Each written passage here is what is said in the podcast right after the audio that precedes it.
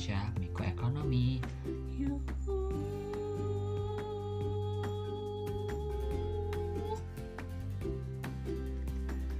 Nah, teman-teman, Arbi sekarang di sini bakal bahas mengenai sistem perekonomian Indonesia.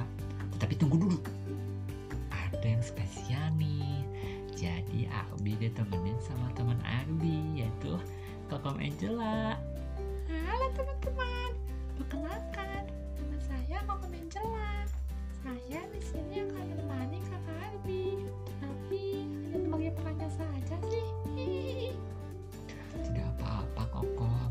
Kamu di sini juga alhamdulillah banget. Soalnya Kak Arbi jadi gak sendirian. Hihihi, kakak saja. Nah, jadi sebelum kita masuk ke sistem perekonomian Indonesia, kita harus tahu dulu apa sih sistem ekonomi. Uh, apa tuh kan sistem ekonomi? Nah, jadi sistem ekonomi adalah perpaduan dari aturan-aturan atau cara-cara yang merupakan satu kesatuan dan digunakan untuk mencapai tujuan dalam perekonomian. Aturan-aturan sistem perekonomian harus dapat menjawab permasalahan. Barang apa yang harus diproduksi, bagaimana cara memproduksi, dan untuk siapa barang tersebut diproduksi. Oh, begitu ya kak. Terus, sistem ekonomi itu macam-macam gak sih kak? Nah, sistem ekonomi ya tentunya pasti bermacam-macam. Ken- Kenapa sih bermacam-macam? Karena masalah ekonomi di setiap negara itu pasti berbeda-beda dan cara mengatasinya pun berbeda-beda. Maka dari itu, sistem ekonomi pun ya pastinya akan berbeda-beda. Begitu. Dan sebenarnya di dunia ini tuh sistem ekonomi itu ada empat. Oh, ada empat ya kak. Apa aja sih kak? Nah, jadi apa aja sih sistem ekonominya? Sistem ekonominya itu yang pertama, sistem ekonomi tradisional. Nah, pasti kalian kalau udah dengar tradisional tuh pasti udah gak asing kan? Iyalah kak. Pasti kayaknya sistem ekonominya tuh kuno banget. Nah, iya. Jadi sistem ekonomi tradisional tuh merupakan sistem ekonomi yang diterapkan oleh masyarakat tradisional. Ciri-ciri sistem ekonomi tradisionalnya yaitu teknik produksinya juga dipelajari secara turun-temurun dan tingkatannya juga sederhana. Terus hanya menggunakan sedikit modal. Lalu pertukarannya juga dilakukan dengan sistem barter. Oh, gitu ya kak. Bang tentu kan kalau misalnya barang sama barang gitu ya kak. Iya, seperti itu. Nah, sistem ekonomi tradisional juga memiliki kelebihan dan kekurangan. Kelebihannya yang pertama, mendorong hubungan kerjasama dan kerukunan sehingga terdapat keselarasan antar, individu. Lalu, barang yang dihasilkan juga untuk kelangsungan hidup masyarakatnya sehingga mengurangi, mengurangi pemborosan. Lalu, adat istiadatnya juga relatif terjaga juga gitu. Lalu meskipun banyak kelebihannya, ya pasti ada juga kekurangannya. Yang pertama, lebih rentan karena tergantung pada kondisi alam. Terus, standar hidup masyarakatnya relatif rendah. Teknologi yang digunakan juga sederhana dan tradisional. Dan lalu, sistem ekonomi ini tuh cenderung menolak perubahan, jadi sehingga masyarakatnya kurang berkembang. Oh, gitu ya kak. Berarti kan kalau yang eh, kayak berjualan yang di perahu-perahu gitu yang di mana Sumatera atau Kalimantan gitu. Yang mereka tuh berdagangnya tuh barter gitu terus di perahu gitu. Berarti sistem ekonomi tradisional ya kak. Nah, iya, jadi mereka tuh menggunakan sistem ekonomi tradisional. Begitu kok. Nah, selanjutnya ada sistem ekonomi komando. Nah, apa sih sistem ekonomi komando? Sistem ekonomi komando itu yaitu sistem ekonomi di mana peran pemerintah itu sangat dominan.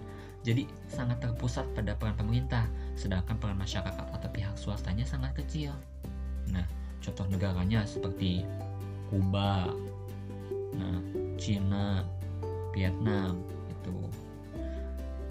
Oh, gitu ya kak. Negara-negara yang menggunakan sistem komando tuh kayaknya mereka tuh yang kayak komunis gitu ya kak. Nah, iya gitu. Nah, lalu ciri-ciri sistem ekonomi komando aja sih? Yang pertama, semua alat dan sumber daya produksi dimiliki dan dikuasai oleh negara, sehingga milik perorangan hampir tidak ada. Ih, kasihan dong kak. Ya iya ya, tapi ya gimana lagi namanya juga kan sistem ekonomi komando.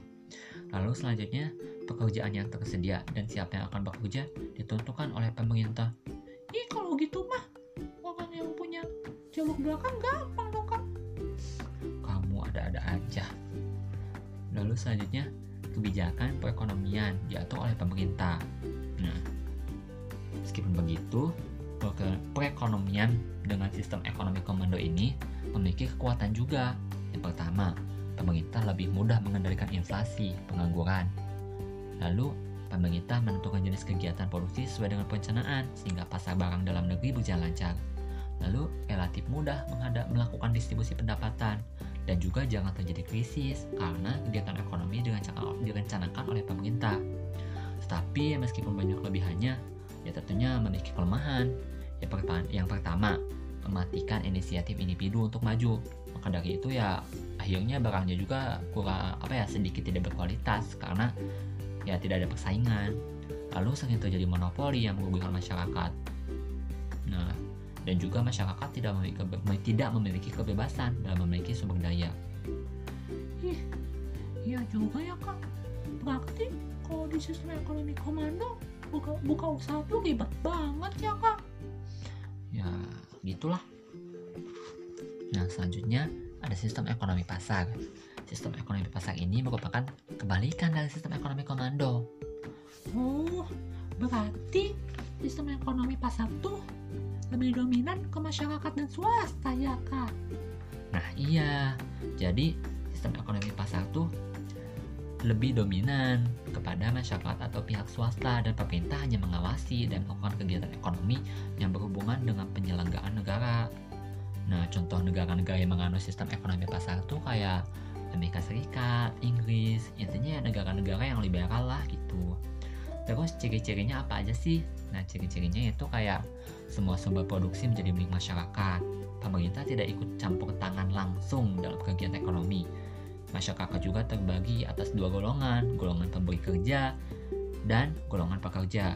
Terus munculnya persaingan. Nah, karena munculnya persaingan, akhirnya barang-barangnya pun semakin berkualitas. Lalu adanya eh, menumbuhkan inisiatif dan kreasi masyarakat dalam mengatur kegiatan ekonomi.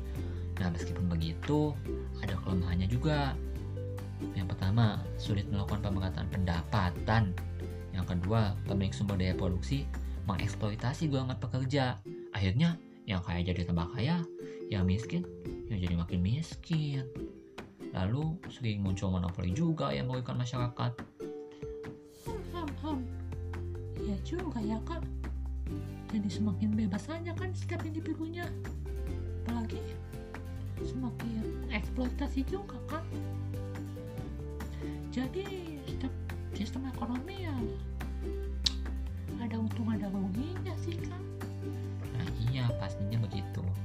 Tapi ada satu lagi nih, yaitu sistem ekonomi campuran. Nah, sistem ekonomi campuran itu gabungan antara sistem ekonomi komando dan sistem ekonomi pasar. Oh gabungan. Berarti lebih bagus ya kan. Ya, bagus atau enggaknya tergantung dalam pelaksanaannya sih, Kom. Oh begitu ya. Ciri-cirinya gimana kak? Ciri-ciri sistem ekonomi campuran tuh kayak pemerintah dan swasta melakukan kegiatan perekonomian. Tatanan ekonomi juga merupakan mekanisme pasar, namun masih terdapat campur tangan pemerintah. Terus terjadi persaingan dalam perekonomian, namun pemerintah tetap melakukan pengawasan. Nah, tentunya sistem ekonomi campuran juga memiliki kebaikan dan kekurangan. Kebaikannya ya, pertama, terjaminnya kestabilan ekonomi. Lalu, pemerintah dapat lebih fokus untuk menggerakkan sektor UMKM.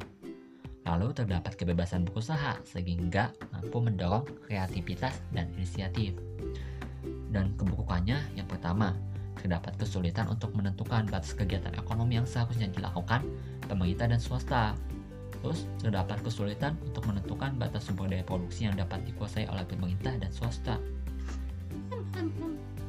kita jadi makin bingung kan nah bener ya sistem ekonomi itu ya tergantung pelaksanaannya sih apa ya kita gak bisa menilai mana yang bagus mana yang buruk ya tergantung pelaksananya apakah berdampak baik bagi masyarakatnya atau tidak ya begitu ya kak Nah, iya, begitu.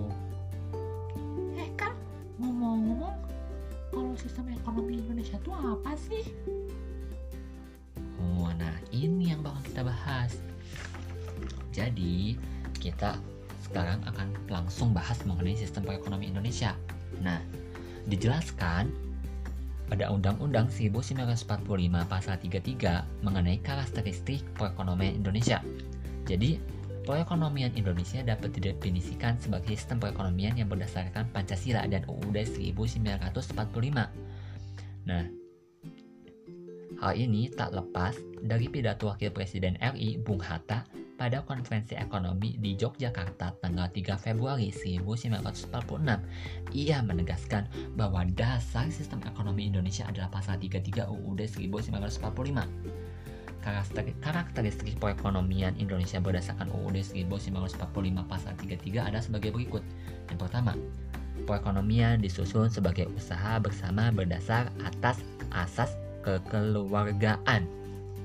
Yang kedua, cabang-cabang produksi yang penting bagi negara dan yang menguasai hajat hidup orang banyak dikuasai oleh negara.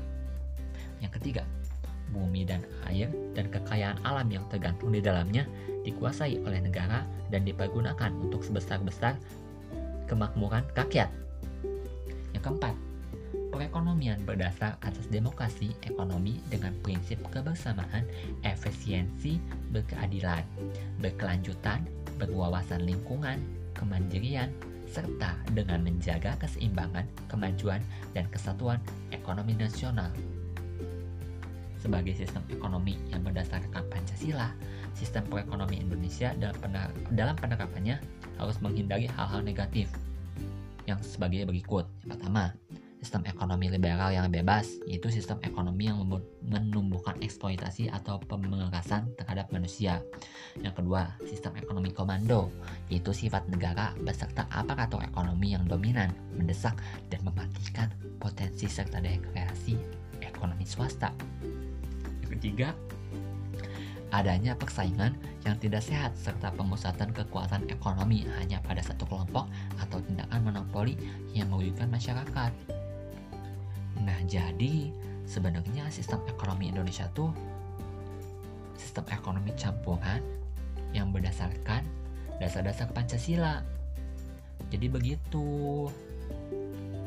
oh begitu ya kak kakak tahu dari mana Ya, kakak beres lihat-lihat dari beberapa sumber. Jadi banyak yang mengatakan bahwa sistem perekonomian Indonesia tuh Pancasila. Nah, tetapi Pancasila itu kan sebagai sumber dari ekonomi sistem ekonominya. Nah, sebenarnya sistem ekonomi Indonesia tuh campuran begitu.